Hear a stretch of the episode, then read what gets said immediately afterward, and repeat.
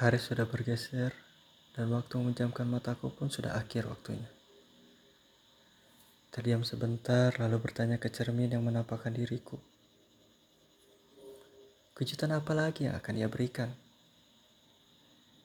Ya, dengannya tiada hari tanpa kejutan. Seminggu yang lalu, ia memberikan sebuah kesan kalau ia penat melalui gelagatnya. Dua hari yang lalu, ia mengejutkanku dengan sesosok pria yang akan menggeser tataku di matahari senyumnya. Dan kemarin, ia menghadiahiku sebuah pesan singkat satu arah. Kita selesai.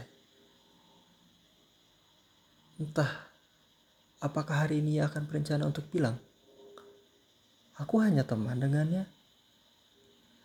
Dan selamat kamu adalah kejutan yang sudah mengobrak-abrik perasaanku.